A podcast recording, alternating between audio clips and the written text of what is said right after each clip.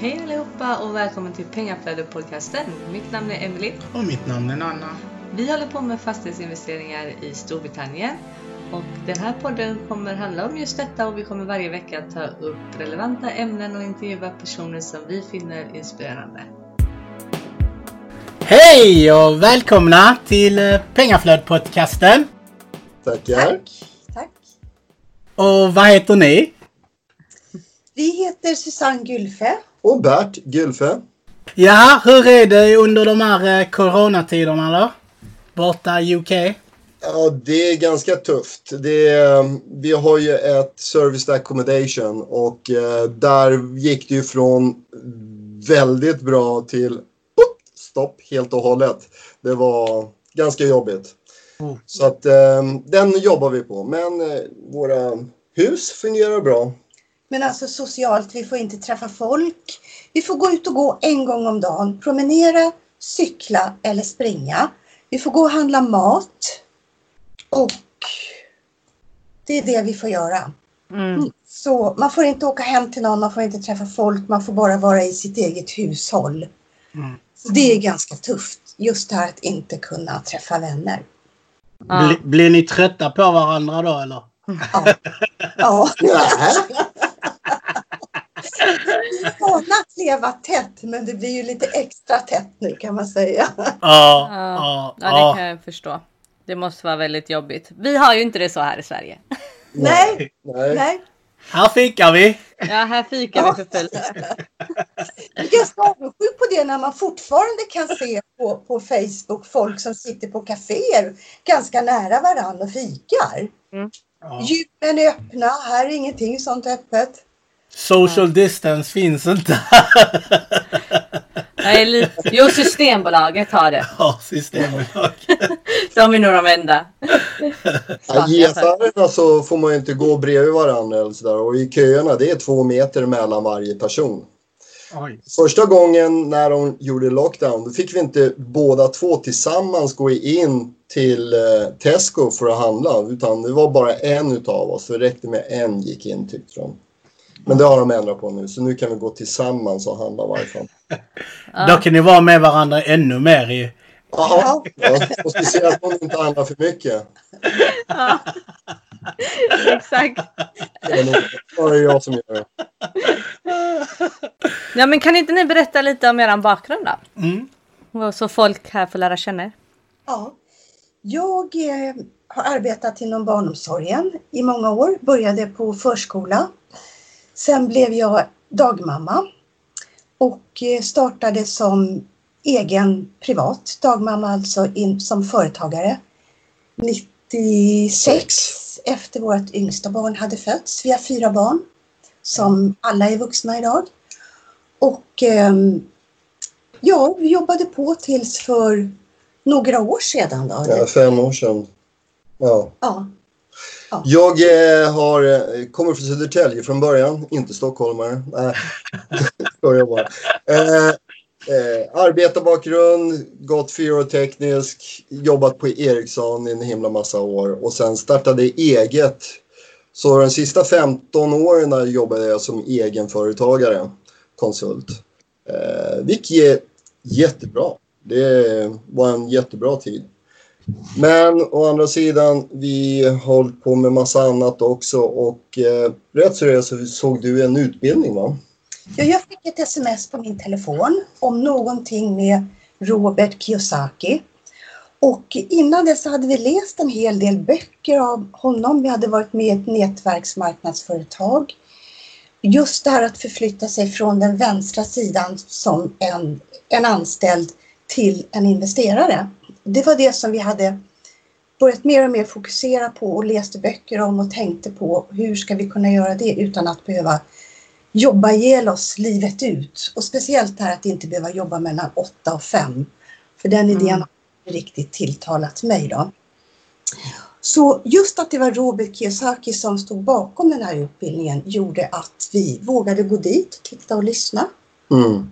Och det handlar ju om fastighetsinvesteringar. Det var bara en, en kort två timmars introduktion. Men vi gick på den nästa som var en hel helg. Sen köpte vi alltså två stycken utbildningar. Det här var 2014. Mm. gick vi över till i december och vi gick samma månad. Vi hade sån tur för vi var en av de första. Så vi fick gå både på mentorskapet och på advanced training, Momentum. momentum, inom bara några dagar. Oj. Och det här var i december 2014. Så då skulle vi köra hårt. Vi företag och allting. Ja. Och så började vi kolla dealar överallt. Eh, och det var ju Sourcat fick vi till oss. Och det var ju ett då, bolag i eh, Glasgow som eh, skickade ett antal. Och till slut så i februari så tackade vi ja till ett. Ett hus i Loch Maben utanför Lockerbie. Mm, Det var ju så det började. Mm. Och den eh, var ju en historia för sig. För det var ju en sån här auktion så vi skulle betala inom 14 dagar, vilket vi gjorde. Och sen så tog det tiden med det här sourcingbolaget. Det tog Mm. ett halvt år innan huset var klart. Så Wow. vi åkte fram och tillbaka många gånger. Eh, I princip en gång varje månad så var vi över till England för att kolla. Mm. Mm. Då hade ni ändå koll på dem ju. Det är inte många som går alltså en gång i månaden. Som man får Nej. höra. Nej, Nej. nej. Även då i februari så tackade vi ja till ett annat hus också, eller en lägenhet i Hamilton utanför Glasgow. Eh, men den tog tid innan den eh, blev klar så vi kunde köpa den. För då tog det tid, då tog det tre månader innan vi kunde köpa den. Så det där tog tid.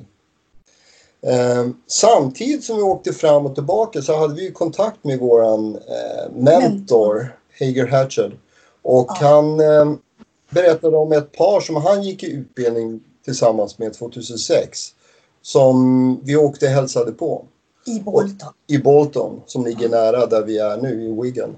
Eh, och de, de undrar ju vad fasiken kontaktar ni oss för? De var ju väldigt anti mot oss i början. Mm. Men vi kom dit, vi pratade lite och sen så gick det någon månad så kom vi dit igen och då var de mer positiva till oss.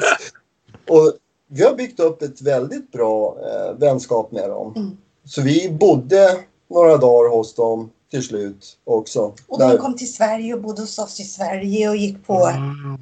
Ett informations... Eller ett möte då kan man Mm. säga. Mm. Också om fastigheter i Sverige. För de funderade lite grann på om de skulle sourca.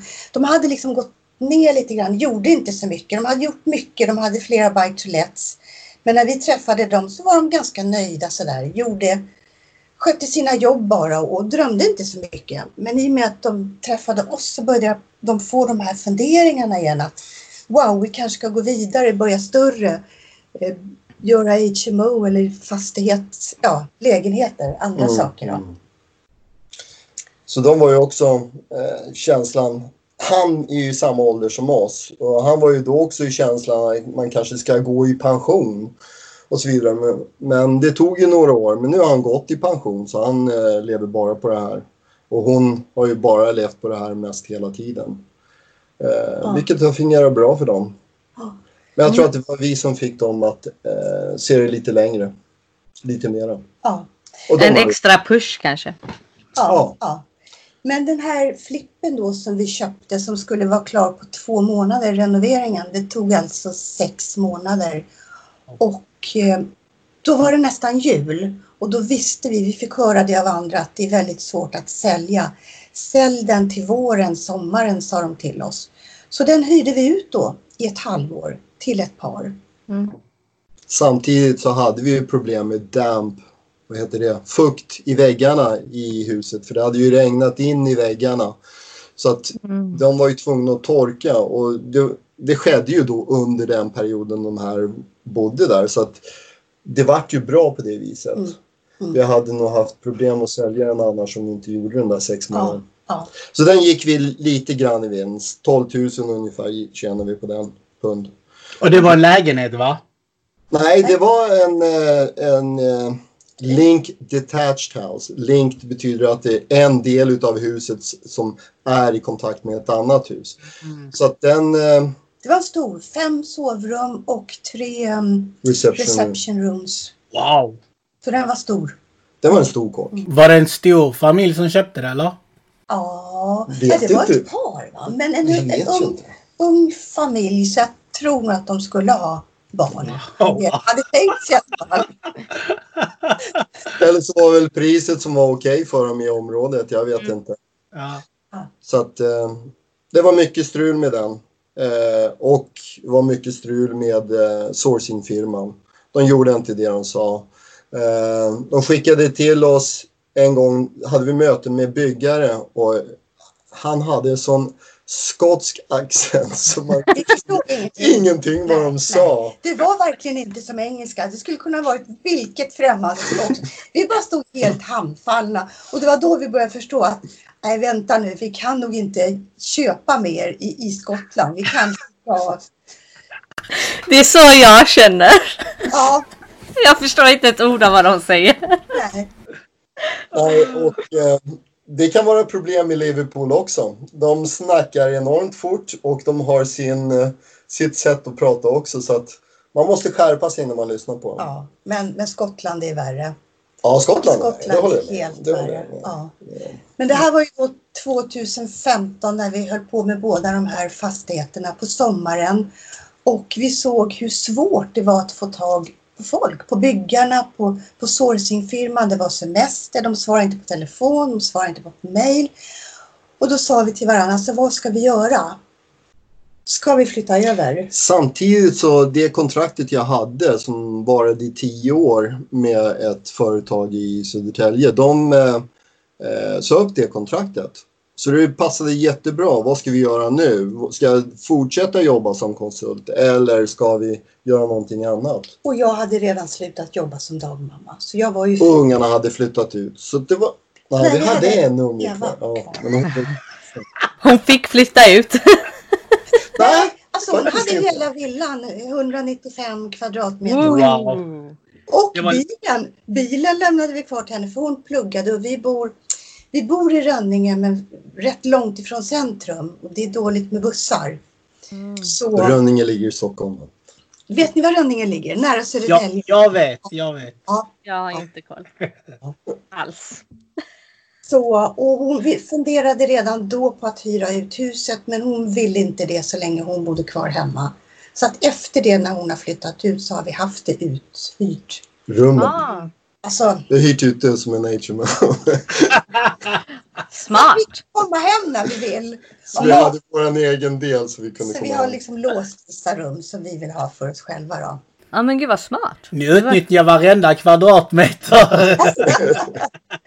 Men just nu faktiskt så är det tomt och vi har funderat på om vi ska låta det vara så för att det är ändå en frihetskänsla att komma hem och veta att det inte är någon där. Mm. Och barnen, barnen kommer gärna hem och, och de grillar och träffar varandra och det blir liksom en mötesplats. Vi skulle ju varit hemma nu under påsk.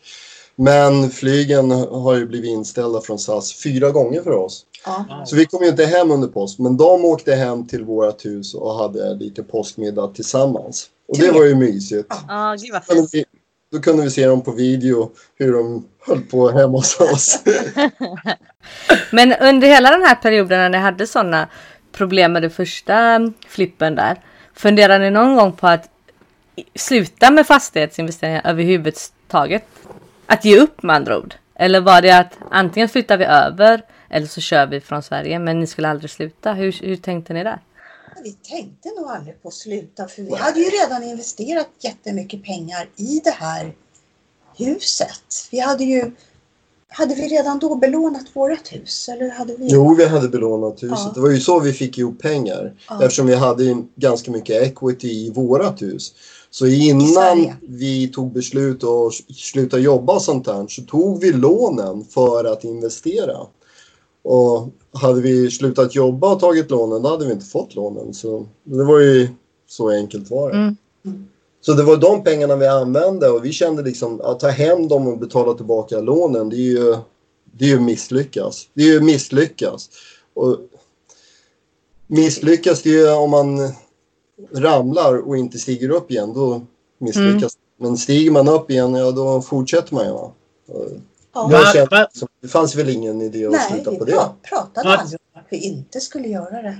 Vad sa eran omgivning då? Alltså att ni flyttade över och att ni tog det här beslutet att ja men nu kör vi, nu kör vi i UK, vi ska handla hus där Bo där. och bo där, ah, hela grejen. När du bara sa ja men du vi har köpt en kurs här eh, i Storbritannien, vi ska handla fastighet. Och, alltså vad sa kompisarna och De var rätt positiva. De var Mm. positiva tycker alla. Så de tycker jag, oh, wow, men vad kul att ni gör det. Och, eh, tyckte jag också, många tyckte att alltså när man är medelålders och man har jobbat med samma sak i princip hela sitt liv. Då tror jag det är jättebra att göra något helt annat. Sadla om totalt. Få nya värderingar, nya erfarenheter. Mm. Så det var nog det många såg att barnen var stora, de klarade sig själva. Det, det var rätt läge. Och barnen var positiva till det också. Ja. Att vi bygger upp en massa equity åt dem. Jag tror de såg det på så vis. Utan mera, alltså det stora skälet till varför jag gör det här, det är just för att kunna visa att man behöver inte göra en och samma sak för våra barn. Alltså att de kan se, det här är någonting man kan göra under en viss tid och man kan också göra så här. Alltså det finns så mycket valmöjligheter. När jag växte upp, det fanns ju inget prat överhuvudtaget egenföretagare, det var ju sådana som skodde sig på andra. Det var den uppfattningen jag fick ifrån alla runt omkring mig. Och det, det var så helt fel. Och jag ville ju visa dem att människor gör det de gör för att lyckas med det de vill. Och en del fastnar på sina jobb och de bara hänger där och inte gör mycket ens på jobben. Och jag, jag vill inte ha det legacy till mina barn. Så att säga. Mm. Vad säger era barn då nu då? Vill de eh, gå in i fastigheter? Eller har de redan kanske börjat? Nej, De har inte investerat i England, de har ju investerat i Sverige. Den äldsta hon har ju investerat i en lägenhet och tillsammans med min pojkvän en annan lägenhet. Så att där, där är det. Jag tror nog, och de alla vill väl göra något liknande men de känner väl kanske att det inte är läge för det ännu. Nej, de behöver jobba och bygga upp. Den yngsta sonen bor ju i Norge och han eh, har ju pratat om att han skulle tycka att det var intressant att göra något sånt här. Men han, ja, han är inte riktigt där i läget heller. Men Nej. jag tror att de kommer att komma. De är, våra barn är ju mellan 25 och 34. Usch. Jag har två pojkar, två pojkar och två flickor. Ja, så är det. Ja, så varför nordvästra UK då? För det är där ni är, ni i Bolton, uh, Ja, ja. Wigan det. Wigan. Förlåt. Wigan. Och det ligger mitt emellan Manchester och Liverpool. Och det tar väl en halvtimme att åka hem till våra vänner i eh, Bolton. Mm. Så att eh, där var väl största orsaken. Och våran mentor Heiger, han eh, investerade i Lee som ligger i Wigan Council. ja. Och eh, så vi hälsade på honom, vi lyssnade på det här paret, vi provade att hitta hus under 2015 när vi hade flyttat över Mm. i Bolton. Väldigt mycket Bolton. Alltså vi flyttade ju till Blackburn och Ja. vi hyrde då ett rum i en liten HMO av just det här paret. För de hade en fastighet där. Men vi åkte varje dag till Bolton eller Wigan eller Lee och tittade på fastigheter fram och tillbaka. Så när vi köpte vår första HMO i Wigan, det var i januari 2015. 16. Nej, 16. 16. 2016 Ja. Då flyttade vi in i ett av de rummen där. Så det var en Mm. fyrbädds HMO eh, som vi renoverade det blev ju också ett fiasko i början för den byggaren vi hade. Han var inte alls något bra, han gjorde allting fel. Och det var ju vårt första egna projekt utan sourcing så vi, vi visste ju att standarden var sämre här än i Sverige. Men inte Mm. så jävla sen. Men inte så mycket sämre. Men, men, men genom- genom andra så fick vi kontakt med en man som kom och tittade på allt. Mm. Eh, vad heter han nu då? Bill Hayes. Bill Hayes. Mm. Och han var helt, helt chockad. Mm. Över, över det som den byggaren hade gjort. För jag ja. känner liksom det här kan ju inte stämma. Så här kan vi inte ha det. Så han... Han eh, fixade fram en annan byggare åt oss. Ja. Som, eh, och då kickade vi den första.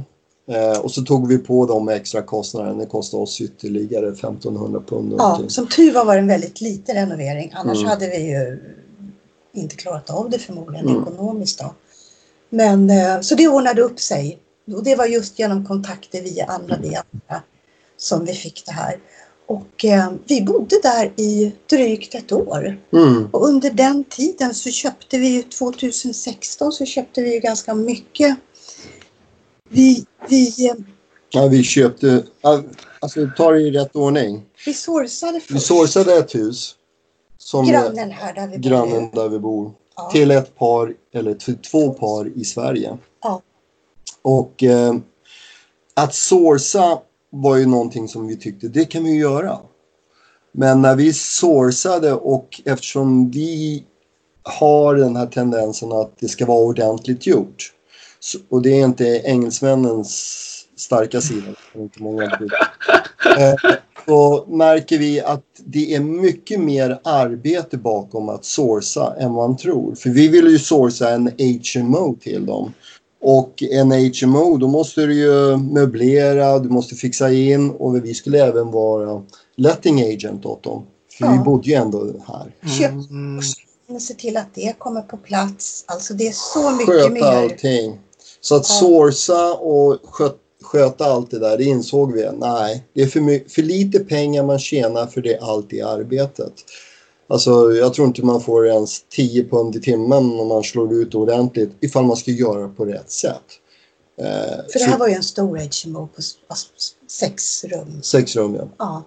Mm. Men vi var å- åt dem i ett år. Mm. Sen sa vi nej, för vi insåg att det tog mycket tid från oss själva. Och just det här alltså om någonting går sönder klockan 10 en lördagkväll och du måste snabbt hitta någon som kan komma och stänga av elektriciteten eller vad det är. Det, det kräver mycket. Mm. Och vi hade också eh, hyresgäster som bara försvann. Alltså. Och de betalar inte och sen när man knackar på det är ingen där och man knackar på och till slut så känner man på handtagen, ja men det är olåst. Ja, då öppnar man och där ligger nyckeln. Och, och skräpigt ut. Men nyckeln ligger där och då inser man att de har dragit. Mm. Mm. Ja, det låter inte kul. Ni, hade ni lån då på era fastigheter, alltså mortgage då, på de andra fastigheterna och på den här HMO? Eller hade ni inga lån alls än? Inga lån i England utan det Nej. var de pengarna vi hade i Sverige. Mm. Som vi hade. De som köpte det här eh, huset bredvid oss här nu. De, och vi gjorde HMO utav den. De fick ett skitbra lån utav, eh, Konstigt nog. utav Lloyds. Fast de inte ens bodde här. Fast de inte bodde här. Nej. Var det deras första eh, projekt också? Ja, Men du sa att det var, de var två par va? Ja. de var två ja. par. Så om man tjänar över en viss Mm. summa varje år och om de var fyra stycken och de slår ihop den summan så kanske de tjänar rätt bra ihop. Och då, då Ja. det var därför de fick eh, Nej så men, pass bra. nej men de här utbildningarna säger ju att mm, om man ska skaffa HMO så måste man ha buy let Innan. experience i två år. Och tydligen behövde man ju inte det. Nej men det känns som att det är väldigt mycket liksom från fall till fall. Eh, Det är och från fall ingen- till fall. Det är Ja. det. Ingen kan riktigt säga exakt Mm. hur det är utan det beror helt och hållet på varje persons eh, ja, alltså, omständigheter. för när vi sökte sen så fick vi ju inte alls lån hos dem. För då tänkte vi, ja, ah, då sö- söker vi också, men det gick inte. Men hur långt, eller har ni några mortgage nu i UK? Ja, vi har ett på det huset som vi är i nu, just nu. Ah. Eh, och det är med Together. Så att det är ingen... Ah, okej. mm, och alla får med Together. Det var mm. Men hur lång tid tog det innan ni tog det? Från att ni flyttade över 2015, eller hur? ja. Ja. 2017 då fick vi lånet på det huset som vi har här.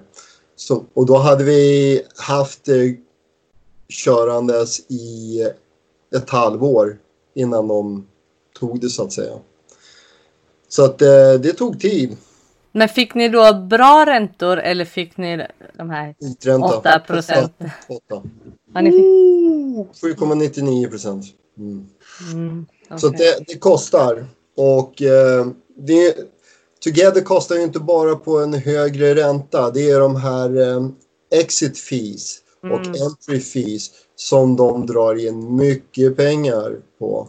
Så att med, om man har möjlighet att undvika lo, eh, together finance så bör man göra det. Men ibland så går dealen bra, funkar den med det lånet, ja men kör då. Ja, ja. Det är bättre med en investering som ger avkastning i långa loppet och som en gång bygger upp ett högre equity för dig när du väl säljer det.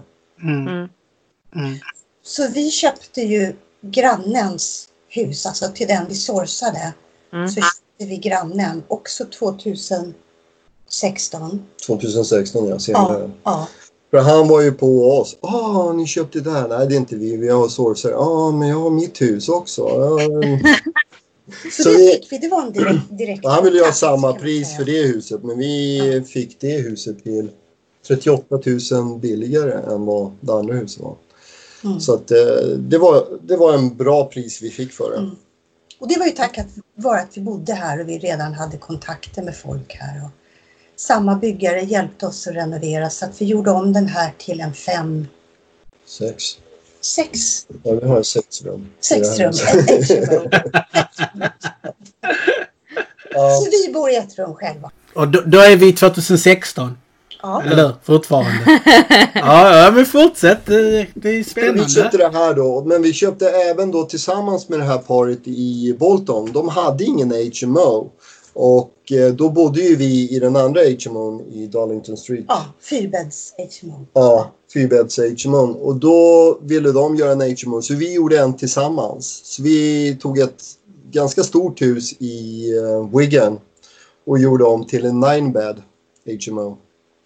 Så att, eh, och den har senare blivit lite utav en student. Det finns inget eh, universitet här, det finns college, men college, de, de studenterna vill ju inte, bo, de bor ju oftast hemma. De hyr inte. Men däremot så finns det en eh, live recording studio som har utbildning för skådespelare och musiker. Och de har vi fått in en fot, så då har vi haft eh, studenter som hyr där. Mm. Det har ju sett för jäkligt ut ibland, men det funkar. Det är inte kul att gå in i deras rum ibland. Man undrar hur de bor. Och jag säger det, det är tjejer. Tjejer är värre än killar. Alltså, Ja, de är ja, klart värre. Ja, Engelska tjejer, Ja. de är hemska. ja. Förlåt, för, förlåt mina engelska tjejer som lyssnar. Våra engelska tjejer. Nej, jag skojar. Den ger en bra avkastning. Och då fick vi alltså lån tack vare dem. Så vi står egentligen inte med på På lån. pappret. Utan vi har ett, ett eget agreement between, mellan det här paret och oss.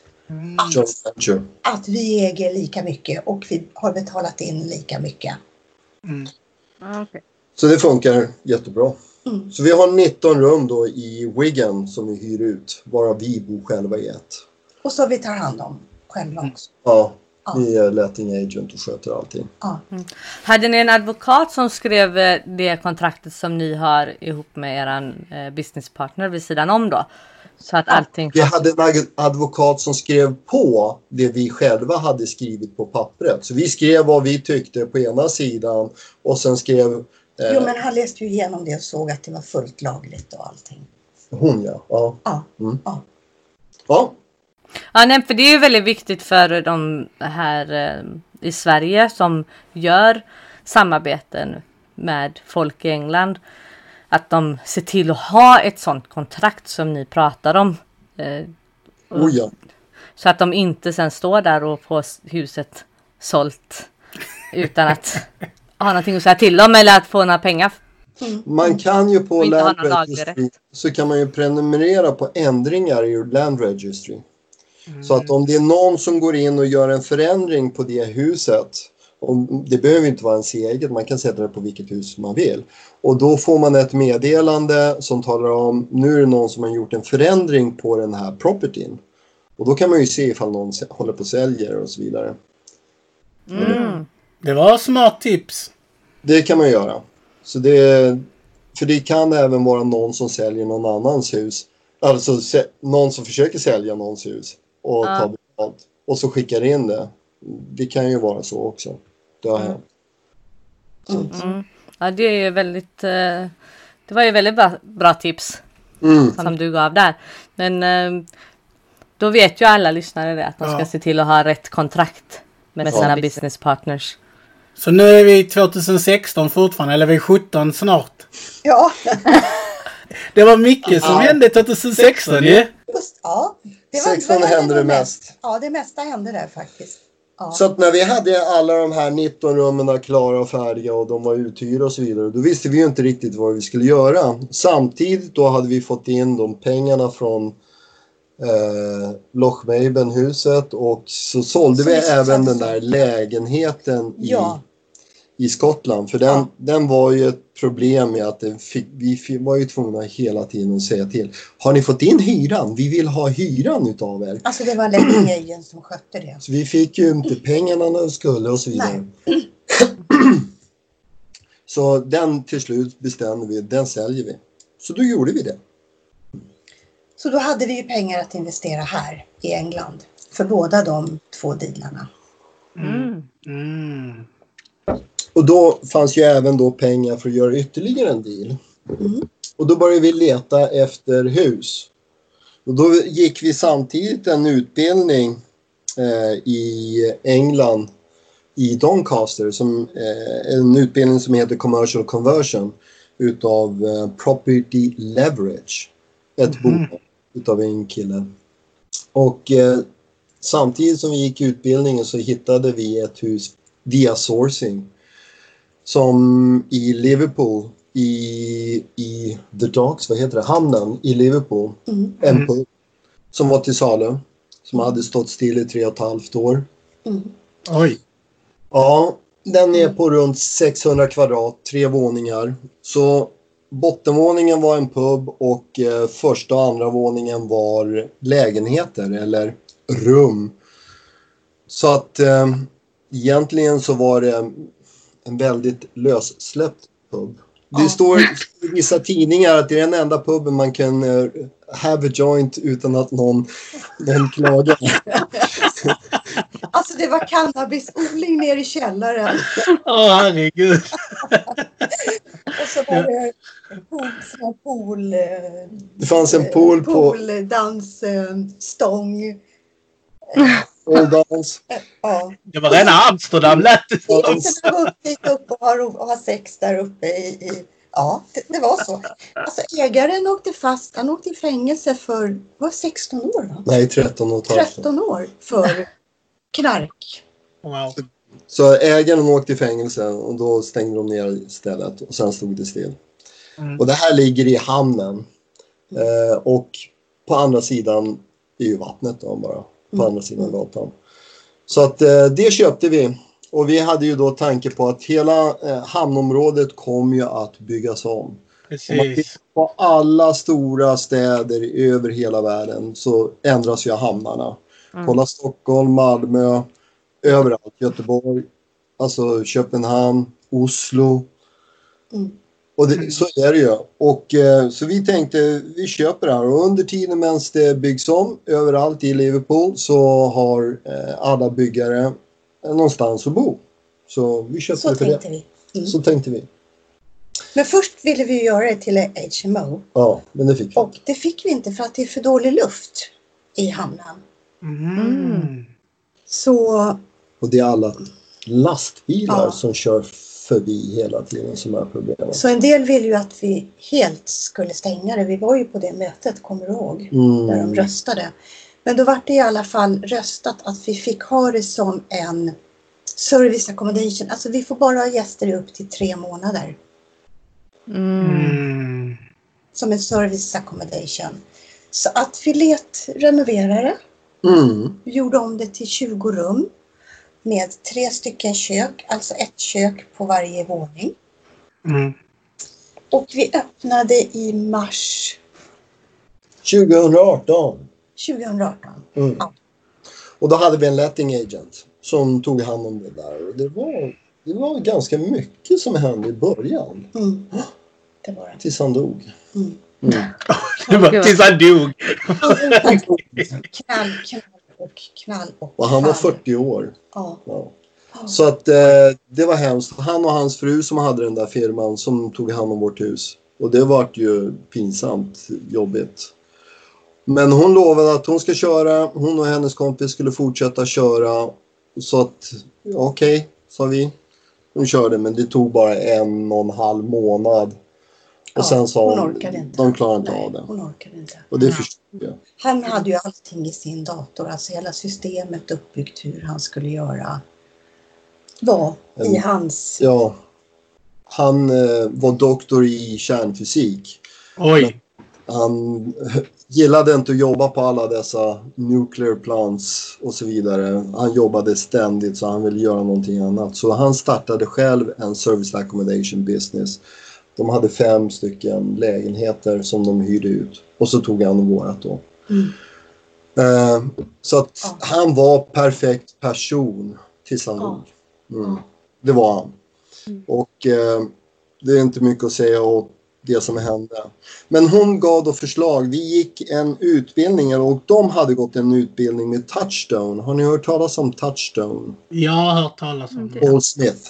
Eh, och eh, de har ju en utbildning för service accommodation. Så de hade ju gått den och det var det som inspirerade honom till att starta allting och göra allt det här. Och eh, de eh, har då en uthyrningsfirma som heter Diamond och de sa att de kan ta över. Så vi hade ett samtal med dem. Ja, de skulle ta över från 1 augusti och det gjorde de och eh, 14 dagar senare så sa de att eh, ledningen Paul Smith och hans fru Anniko hade tagit beslut att de ska inte ha någonting i Liverpool. Så då gav de oss notice. För de har, inte- de har så lite där så de vill inte investera. Och varför de inte hade kunnat sagt det 14 dagar innan, det begriper vi inte. Ja. Mm. Så, men de hade förslag på en annan kille som tog det.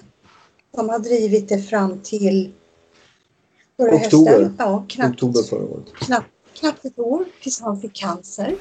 Åh gud. Men gud, vad är det som pågår?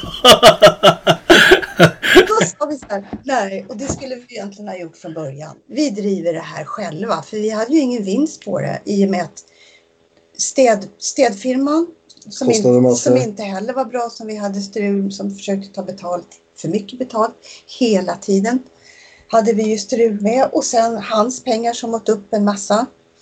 Booking.com Mm. Mm.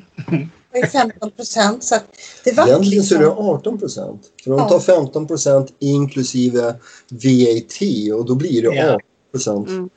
Så att eh, alla som håller på med det där, tänk på var ni lägger ut det. Men Booking.com är 90 procent av marknaden i England. Så att inte ha Booking.com, det är som att skjuta sig i foten. Ja. Man måste ha det. Så kör man service accommodation behöver man nog ha. Så vi tog över från höstas då. Fast han stod på kontraktet till december. Vi tog över slutet på oktober. Mm. Och har drivit upp siffrorna. Alltså vi hade så bra siffror i januari, februari, Mm. halva mars.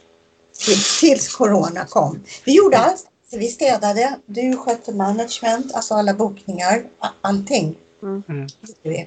Och det var bara via Booking.com. Vi tog inte upp det med någon annan. Vi ville inte ha en channel manager direkt på en gång med den kostnaden. Så då tog vi bara Booking.com. Och vi fick ju upp siffrorna riktigt, riktigt bra. Och så hände det här med corona. Corona. Ja, ja. Så det är ett problem för oss just nu. Vi går fortfarande okej. Alltså, Mm. Vi, vi har kunnat göra om det lite grann till så, för det fick vi tipset om, att skriv att det är för NHS-staff och key workers. För Ja. då får man ta in gäster och det har vi gjort. Mm. Vi har faktiskt en del, C-track har vi, mm, en del gäster. Överlag alla era fastigheter. Hur stor beläggning har ni just nu? Alltså under coronaperioden. För att innan var det ju fullsatt nästan som, som, som det får låta. Ja, det är ingen som har fallit av på grund av corona eller någonting sånt. Så att, eh, vi hade en hyresgäst som eh, flyttade ut i våra nine beds. Han flyttade ut i slutet av mars eller början på april och han betalat för april. Så han, det har ingenting med corona att göra. Nej, Det där var planerat i- långt innan. Eh, det har inte hänt någonting på grund av corona ännu. Däremot några utav studenterna säger att de inte har samma pengar längre på grund av att deras föräldrar inte har jobb och därför vill de betala Mm. mindre. Men vi vet ju att de får ju job retention så att de får ju sina 80% betalda ändå. Va? Mm. Så att, Men, men vi har gett lite uppskov där så att de får en lägre hyra. Det är de enda faktiskt, de andra två HMO har vi fullt och det är ingen Ja. som har sagt något. nej. Så ingen har begärt den här eh, mortgage holiday eh, eller vad det heter? Payment holiday. Pa- payment holiday, förlåt. Nej. Nej, inte utav de som eh, arbetar, för vi hyr ju ut bara till arbetande folk. Mm. Eh, studenterna, de har ju åkt hem till sina Mm. För skolan är stängd. Ja. Ja, precis. men de är tvungna, de har ju föräldrarna som garantor så att eh, de är ju tvungna att betala hela tiden tills avtalet tar slut. Ja. Mm, mm. Oavsett om de betalar nu eller senare. Ja. Men vi har inte råkat ut för någonting. Och även om de inte skulle betala så får vi inte kicka ut dem förrän tidigast ge dem notice. Det är ju tre månader minst som vi måste ge dem notice. Mm. Mm. Mm. Men vi har inga sådana problem. Utan det är hotellet som är problemet. Våran 20 bed Och, där, och där kan man väl säga att det är ju väldigt viktigt att när, när man investerar i fastigheter att man försöker att ha olika strategier. Mm. Alltså att man inte lägger alla äggen i en korg utan HMO det är ju det vi lever på. Det är det som det är vårt levebröd Mm. som gör att vi klarar oss. Mm. Sen då kan man ta till andra strategier. Ja men som det här nu hotellet, det är mycket mer sårbart. Ja. Men det är en annan strategi. Vi skulle gärna vilja göra lägenheter, convert conversion, alltså into flats. Mm. Mm. Så någonting som, för vi vill gärna ha någonting som är så lite maintenance, vad är det på svenska? Underhåll. Så Mm. lite underhåll som möjligt. Mm. För HMO behöver vi se till. Mm. Och det är Mm. hyresgäster som inte stannar så länge, de stannar ett halvår, ett år Mm. eh, genomsnitt. Mm. Så um, det, Så- det är ett bud- budskap till svenska investerare. Alltså försök, när ni väl börjar investera, håll er inte bara till en strategi. Försök gå till olika. Bygg, lägg äggen i olika korgar. Mm. Jättebra tips. Det är jättebra tips ja. Så vilken strategi föredrar ni mest då? Det beror ju på vilket läge man är i. Behöver du börja tjäna pengar ganska fort för att du vill bli av med ditt jobb men du är inte orädd för att jobba själv, ja då är det service accommodation för där kan du nog snabbast få upp en ekonomi om du investerar på rätt ställe. Mm. Eh, men du är ju tvungen att jobba desto hårdare. Du är ju tvungen att göra mer saker. Eh, vill du ha lite mindre att göra, ja, då är det HMO. Eh, vill du ha vill du inte göra någonting, ja, då är det vanliga buy to let, single som du behöver göra. Och, och ta en åt gången kan ta en himla lång tid, speciellt om man inte får lån. Ja, det var det vi. Vi får ju inga lån så vi måste satsa på större för att få någon form av avkastning på dem. Mm. Så att eh, för oss var buy to lets, det var ingen möjlighet. Så säger jag det. Mm. För då hade vi inte kunnat fått upp några pengar, tillräckligt med pengar att ticka in. Utan vi var tvungna att starta med HMO. Så att det var det vi gjorde. Har ni några planer på att eh, bygga en grund av Vitalets i efterhand nu? Ja, Du har det. ja. Alltså, men alltså, men alltså är, är, är det någonting, en buy to let är alltså en single let och det kan ju vara att du köper ett hus eller så kan det vara att du köper ett helt komplex och gör massa med lägenheter utav det och säljer en del och hyr ut en del och det är så jag ser att man när man kommit till det steget vi är i, det är det vi behöver göra. Eh, få tag på bridging och så vidare, det är inga större svårigheter. Det är att få ett riktigt lån som är problemet. Och där är vi inte riktigt ännu. Fast vi nu bott här i fyra och ett halvt år så är vi fortfarande inte där ännu med bankerna. Mm. De Det- tycker för stora projekt. hade det varit en buy to let tror jag, men, men det här med service accommodation och dessutom att den är så stor och vi inte hade den erfarenheten innan, det gjorde att de inte vågade. Mm. Ja, om, alltså essay, vad jag har fått höra så är essay ju också väldigt nytt med själva alltså, Låneprodukter. låneprodukterna. Typ det är väldigt nytt på marknaden. Vi har ju en äh, vän till oss som har gjort sin äh, ena buy to let, eller flip till en essay. Och han har det på bridge än så länge. Mm. Men nu så kommer ju coronan ju och då går den ju inte runt ju. Nej. För att han har inga hyresgäster. Så han försöker få in en sån här Service Accommodation eh, mortgage. Mortgage. Men han säger det är väldigt komplext för att det är inte så många långivare som har Den det- produkten den produkten än. Nej. Nej, Men- och Together de gjorde ju så att eh, de sänkte ju loan to value från 65 ner till 50% när corona hände. Oj. Så att eh, du måste gå till en bank tror jag nästan och då är det jättesvårt att få igenom det. Då måste du bevisa att den går bra. För det är en business, det är inte ett hus du, hyr, du hyr på. Ja. Det är en business. Men kan du inte lägga ett eh, commercial lån om, om du gör en eh, commercial conversion som du pratade om into flats? Mm. Som blir singlets då. eh, Du pratade ju om, om det alldeles nyss. Ja, Hade du inte då kunnat lägga ett lån på alla? På alla. För Ja. hela företaget. Ja, om jag har en bra bank att jobba tillsammans med. Mm. Och det är det vi försöker. Vi vill ju ha Handelsbanken som finns här och det, de är ju väldigt anti. De, där ska businessen rulla och funka hur bra som helst innan de tar någonting. Mm. Och det är så de flesta bankerna ser det. De vill inte ta några risker. Mm. Och det, är- det är ett problem. Så att vi måste helt enkelt visa på siffrorna först och ta den tiden innan man får lånet. Mm. Mm. Så har det uthyrt ett bra tag liksom innan eh, ni kan få ett lån att lägga på det. Ja. För att de ser att det är uthyrt. Då. Ja. Mm. Och då har man bridging-kostnaderna istället. Ja. Ja. ja, det är ju det. Men, Ja, om, det- men om ni hade kunnat ändra något i eran resa, vad hade det varit då? Det vet jag inte. Ja, för mig hade det varit att vi hade väntat med att ta det här huset i Liverpool. För den har varit för mycket jobb. Eh, vi tog den för tidigt. Eh, vi skulle tagit den vid ett senare tillfälle i så fall. Så, så ser jag det. Vi skulle ha byggt upp det. Vi skulle sa- fortsatt med en ytterligare en HMO istället. Mm. Mm. Men annars, nej.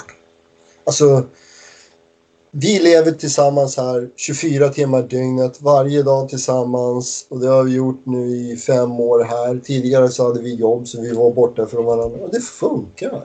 Mm. Jag tror inte många skulle vilja ha vårt liv. Vi vill. Vi vill. Ni håller på med det ni tycker om verkar det som ju. Ja? Ja. ja. Ja. med, med den personen som ni tycker om. ja, precis. Och plus att man har en stor frihet för det, det är ju inte så många. Ja, sen vi tog över Dockside Lodge som det kallas för, våran service accommodation, då är det ju mer jobb. Men innan dess så vi började ett par timmar om dagen som man kanske jobbar med HMO. Någonting som behövde lagas eller fixas och så gick vi till gymmet nästan dagligen och så eh, massor med fritid. Ja. Reste ni mycket också eller? Ja, det gjorde vi. Vi var ju i Asien nästan tre månader förra, Förra året. förra året. Mm. Hem till Sverige regelbundet då. Hälsa på barnen och vänner där. Och, Och ibland till Spanien eller Frankrike. ja, och Jo då. Ja. Vi reser en del. Eh, har ni funderat på att eh, kanske... Ut, nu är ni i UK. Har ni funderat på att investera i andra länder? Till exempel som du säger Spanien, kanske USA. Många eh, går vidare eller ska ni hålla er bara till UK? Susanne, vad vill du? Alltså jag vet inte. Spanien, Investera i Spanien är ju inte... Ska man investera i Spanien så ska det ju vara för att man tjänar pengar på det. Och- Eller att man bor själv i det, men då är det ju inte en investering. Det ska man ju, bor du själv i det, då är det inte en investering. Precis. Nej. Utan då är det ju bara att du har en annan kostnad. Mm. Mm. Nej, ja, jag kan tänka mig köpa ett hus i Spanien för att ha någonting för familjen att åka till och så vidare. Men jag tror inte familjen vill åka till ett och samma ställe och det är inte vi heller. Så att, eh, jag tror inte det är läge. Nej. Om det finns bra cash, någonting som ger bra cashflow, ja. Mm. Jag skulle kunna tänka mig att göra lite flips här i England när vi är här. Alltså köpa ett mindre hus, själv renovera det. För det klarar jag av, i varje fall till engelsk standard. Eh, och sen sälja det. Så skulle jag kunna tänka mig här i Wigan. Mm. För att ha någonting att göra om dagarna ifall du vi vill hittar ju någon. gärna renovera. Du tycker ju om att renovera och greja. Ja. Hur är kostnaderna gentemot eh, Sverige? Renoveringskostnader ja, menar jag nu. Mycket lägre. Det är det. Ja, det är det. Det- Allting är billigare här. Det, det, Eftersom vi är i nordvästra England och London, det, det, det är det säkert som i, i Sverige. I Sverige, ja. Här är, Nu, nu kommer vi ju från Stockholm så det är ju de priserna. Då. Men eh, här är i, i grund och botten, renovera ett hus här är halva priset. Mm. Sen är det ju beroende på när man gör det i konjunkturen. Nu är det ju högre byggarpriser än vad det var för 3-4 år sedan. Alltså de tar mer betalt nu för de kan ta mer betalt nu. Men den här krisen som är just nu den kommer ju göra att de också är glada ifall de får jobb i framtiden. Ja. Det tror jag. Drar den ut ordentligt så är det många som är tvungna, kommer att vara tvungna att sälja sina projekt. Det tror jag. Ja. Ja. Så hur ser era framtidsplaner ut då? Alltså efter corona då eller innan? Ni kan berätta både innan corona hände och efter corona. Ja exakt.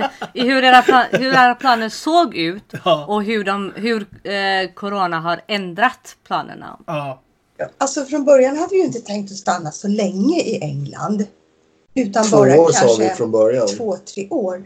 Och sen har vi liksom skjutit på det från år till år.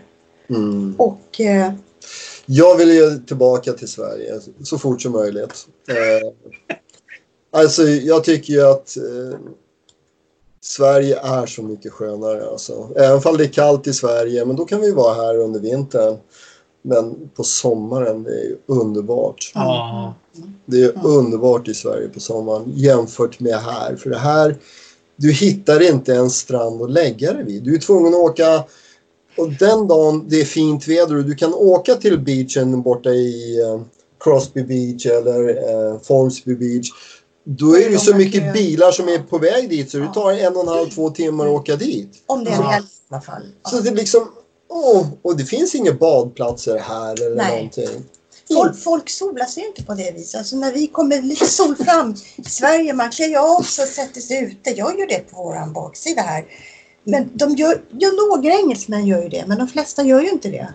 De, de kör med spraytan. Inte ens det. Du ska se hur vita de är. Alltså, de de är så vita så man kan spegla sig i dem. Ja men Sverige är speciellt på sommaren. Det är som det är.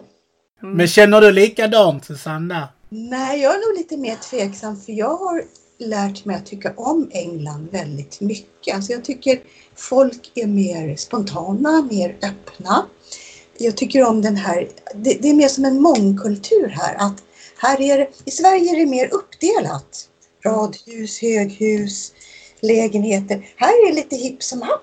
Liksom det är mer, Mm. Det märker man när man är där borta. jag gillar det. Ja, ja jag gillar det. Och eh, jag tror att vi kommer att vara mer och mer i Sverige, ja. Men att vi samtidigt kommer att åka mycket fram och tillbaka. Än så länge har vi ju inga barnbarn, men den dagen det, det kommer så kommer jag ju att vilja vara hemma mer.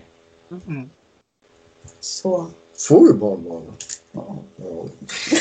Ja. någon gång. Nej, men jag, jag håller ju med. Människor är mycket trevliga här i eh, nordvästra England. Eh, jag har jobbat i London och eh, där är de ju som Stockholm. Det är, man säger inte hej och sådär. Här säger man oftare hej än man gör i Stockholm. Mm. Det är lätt att upp, bara prata med folk. Mm. Mm. Så att, eh, det är enkelt på det viset. Och det spelar ingen roll ifall man skulle ha dålig engelska eller inte. De försöker prata med en ändå. Och det är väl för att vi bor i en liten stad. Liksom. Det är, så är det säkert på, i mindre städer i Sverige också. Mm. Kommer ut på landet. Wigan Mm. Council är bara 390 000 människor så att den är inte så liten. Men visst har ni varit i, i, i Wigan? För det Vi har varit i Wigan, ja. Ja, ja, ja. Jag har faktiskt eh, en fråga eh, som jag kom på nu. Eh, ni pratar om eh, era mentor eh, Hegar. Har ni fortfarande kontakt med honom?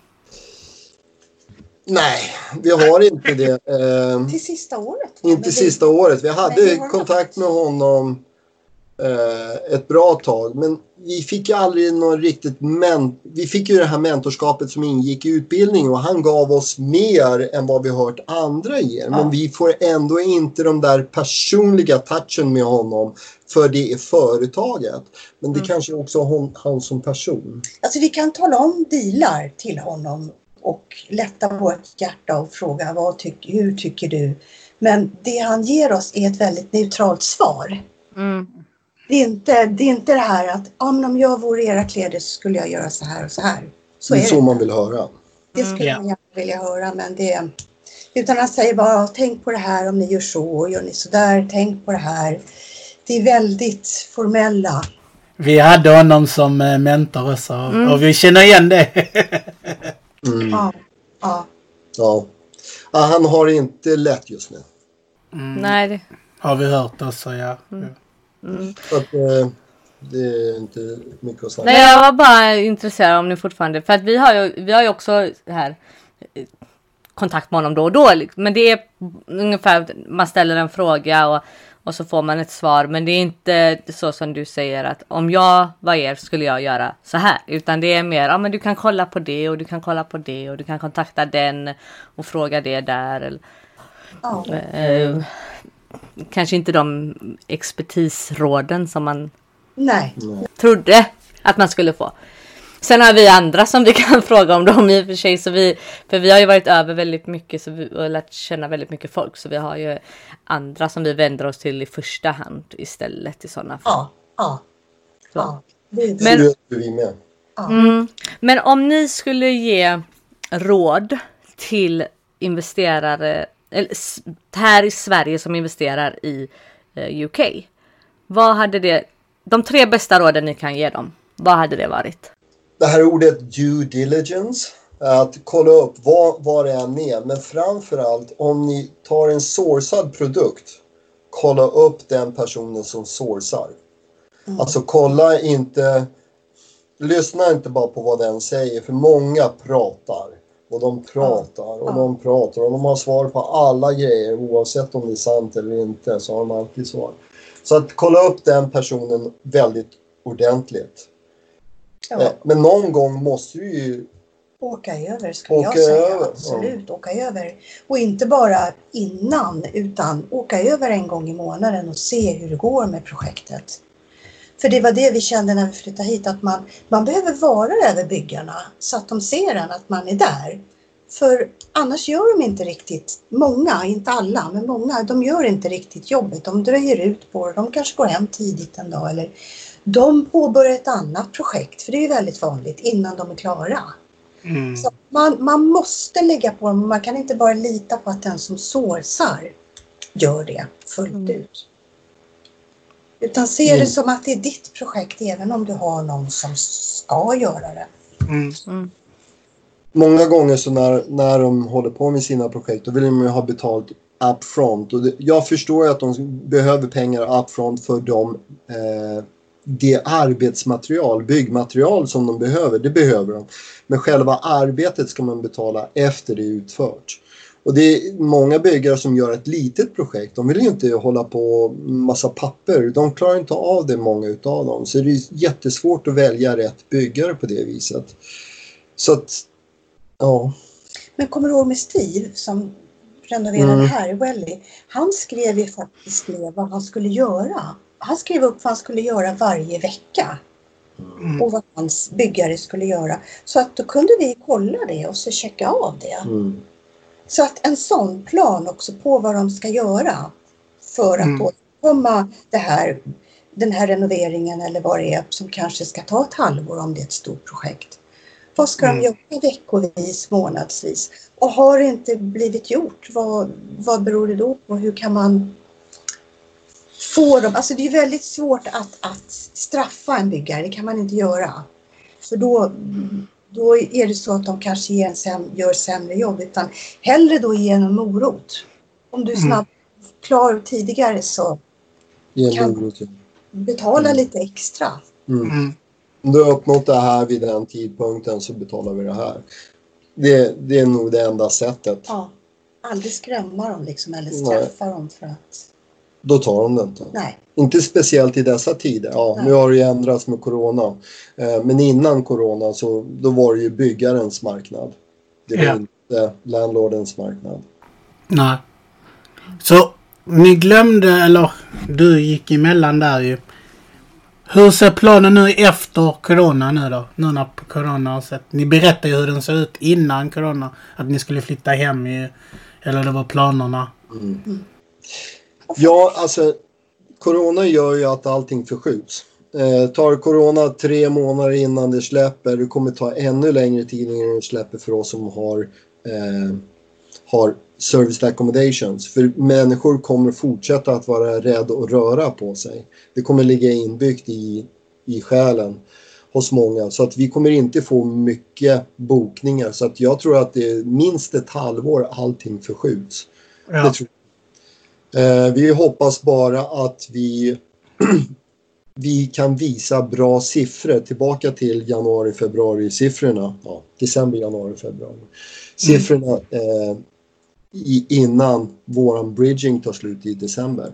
Ja. För där, där har vi ett kris. Vi vill inte ta ytterligare en bridging och ytterligare en bridging. För då Nej. är pengarna iväg totalt. Mm. Men det kostar oss pengar. Vad skulle jag säga? Ska ni ta nya projekt nu eller ska ni efter eh, corona? Eh, Vi måste bygga upp vår service accommodation. Och det, det är det vi måste satsa på. Ja. Och det, har vi den fungerande då har vi ju mer pengar i intäkter än vad vi behöver. Så på det viset, den är ju en riktig kassako. Den skulle kunna ge oss så att vi kan betala av lånen vi har och bara ha equityn kvar till slut. För om det nu byggs då i Liverpool Docks, Och hela det här vägen. nya fotbollsstadion, har ni hört talas om Ja. Ja. Everton, den? Edmonds, eh, ja. Den är alltså bara ett par kilometer ifrån det här. Mm. mm. ja, och vi vet de älskar fotboll i Storbritannien. Det är synd att det inte är Liverpool som flyttar utan det är Everton. Så Everton de drar inte lika mycket fans så att eh, det är lite synd. Men, ja. men det är inte, det är inte Det är turisterna och det är inte fansen vi söker utan det är de som jobbar. Det är ett Mm. sånt hus vi har. Vi har inte för att du ska ha en härlig upplevelse utan huset är till för att du ska kunna bo där medan du jobbar. Det är Ja. det vi byggt det för. Fast det har blivit för fotbollsturister istället. För vi har inte hittat contractors i den mängden som vi behöver. Mm. Det har varit mycket fotbollsturister över helgerna. Mm. Men då har vi å andra sidan kunnat höja priserna så att vi har fått mer betalt än under veckodagarna. Då. Ja. Mm. Okej. Men, men ni pratade om det här med att eran bridge går ut i december.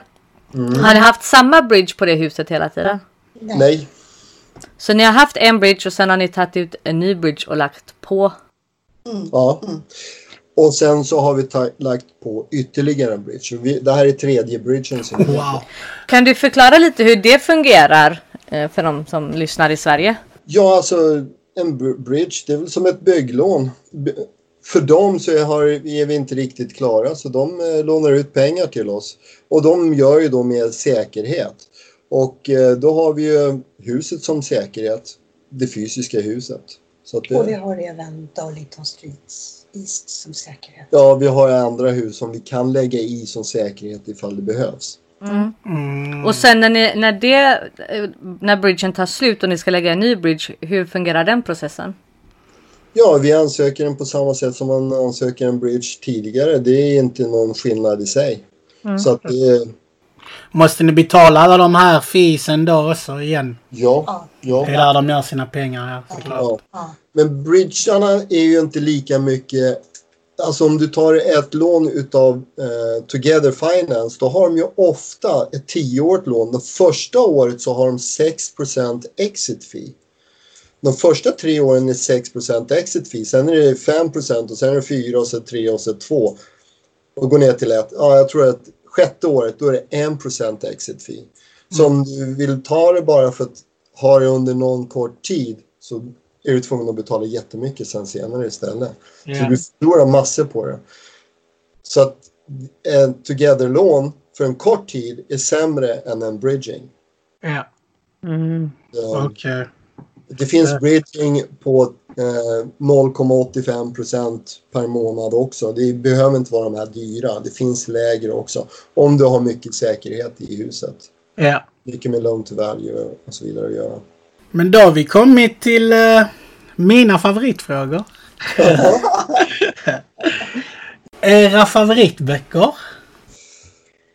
Eller ni är två människor så ni får ju säga vars tre.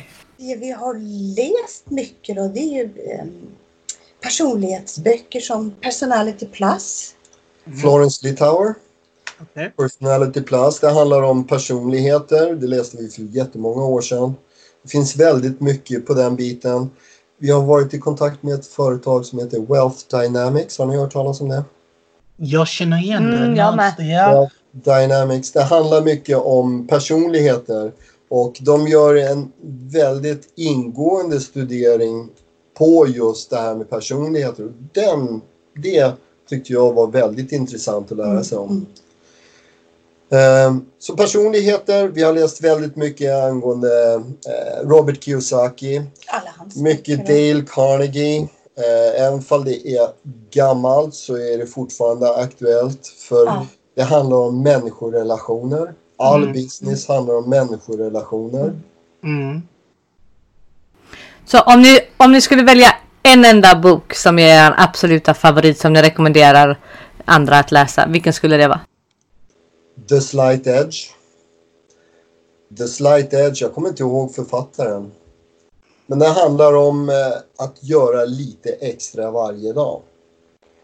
Läsa 10 sidor bok varje dag. Om du läser 10 sidor bok varje dag då har du avverkat en bok på en månad.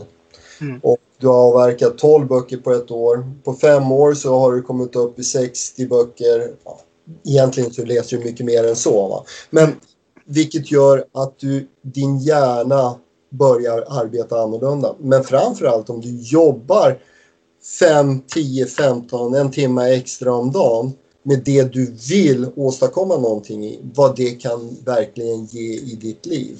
The Slight Edge heter boken. Mm. Mm. Den tyckte jag var jättebra. Mm. Personality Plus. Tyckte du? Mm. Mm. Mm. Och vad med film då? Film. Du och film Susanne, jag tror Alltså, vi tycker ju grej. helt olika. Jag ser ju mer romantiska filmer eller deckare tycker jag ju om. Eh, Du ser mer... Ska- Sci-fi. Ja, Sci-fi. ja. Eh, den, den, om det är någon film som liksom jag kommer ihåg väldigt mycket så är det Avatar. Och jag har liksom gärna vill jag se nästa Avatar snart för den har väl varit på gång i tio år eller? Är den så gammal? Är den va? Ja, den är Den är så gammal ja. Mm. Ja, den tyckte jag var häftig med all, allting som fanns i den. Ah, ja, så var det. Sound of Music älskade ju jag när jag växte upp. Den jättegammal. Du vet hur gamla vi är. Ja. Ja men det är väl eh, inget fel på att Nej. ha en favorit som har hängt med en. ja.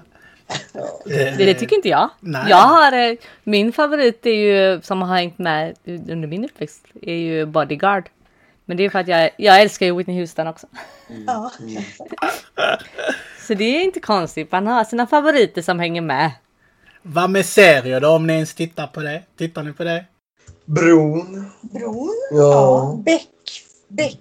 Susanne och jag. Beck. Jag älskade Beck, Beck. Beck, Beck, Och det var inte så mycket just för att det var en deckare utan det var mer relationerna emellan dem. Och humorn och, och intrigerna emellan. Det är just Poliserna. Haber som Beck. Ja, Du ser lite ut som Becky. Nej, jag skojar.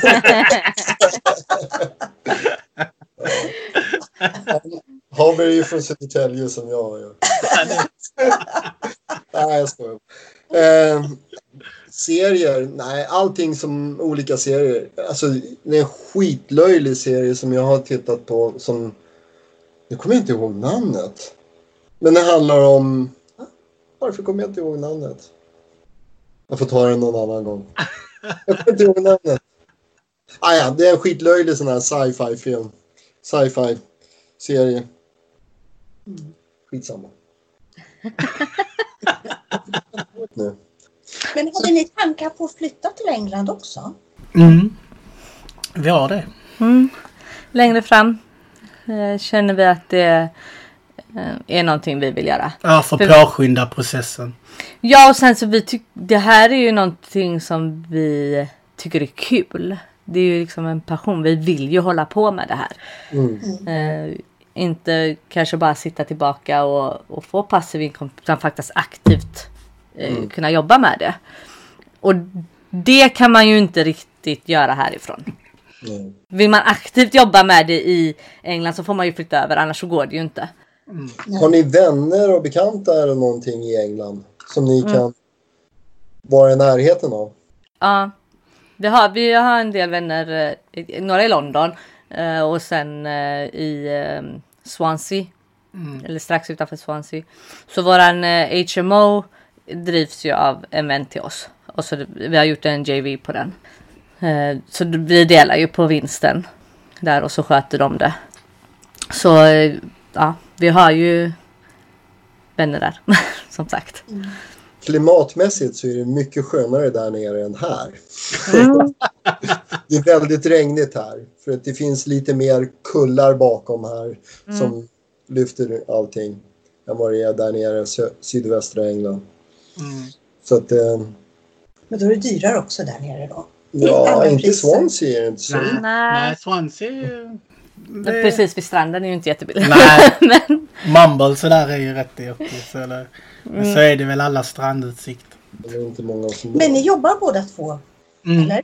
Ja. Fulltid. Inte här nu, nu är han sjukskriven. Men i vanliga fall jobbar vi ju eh, båda två. Hon är white collar och jag är blue collar. Hon kan sitta hemma och jobba medan jag måste gå till jobbet. så, så är det. Emily? Eh, jag, jag jobbar med redovisning. Okej, ja. Det är ju ja, perfekt. det är bra. Det är super. Ja. Nej men så det är väl planen eh, också. Sen får vi väl se om vi har tänkt att eh, göra som ni och komma tillbaka. Eller om vi drar till sydligare breddgrader. Kanske lite varmare klimat. Vi vet inte sen om tio år vart vi hamnar. Men eh, så snart som möjligt vill vi komma över. Och, så vi försöker bygga grunden så att, som vi kan leva på. Vi kan inte bara ta vårt pick och pack och, och åka eftersom vi har en liten att tänka på. Mm. Hade vi inte haft eh, barnen så hade vi antagligen bara tagit vårt pick och pack och åkt över. Mm. Eh, men så är planen. Så är planen. Så är planen. Härligt. Jag, jag får tacka för er tid. Det var jättekul att ha med er på podden. Och, Och- jätteintressant att och- höra hela er resa. Ja, det var väldigt spännande. Hur ska folk göra om de vill eh, komma i kontakt med er? Har ni sociala medier eller Hemsida. hemsida eller? Det är bara, ni bara, de kan ringa oss. Nej, vad ska jag... Det är väl våra namn på Facebook. Eh, Back Gylfe, Susanne Gylfe. Ja. Och sen så har vi, eh, vi har ju den här Gylfe-domänen, gylfe.se. Så bertatgylfe.se är mejl och susannegylfe.se. Så att eh, det är så Det är så. enkelt. Där har ni lyssnarna. Annars finns det, sätter vi det i show notesen. Yes. Så om de vill kontakta er, jag tror ni, ni hjälper säkert om, om de vill det eller om det är något annat de vill. Så då avslutar jag med min uh, sån här Signaturmening. signatur. Don't be stressed, invest. Hej hej! Hej hej! Hej!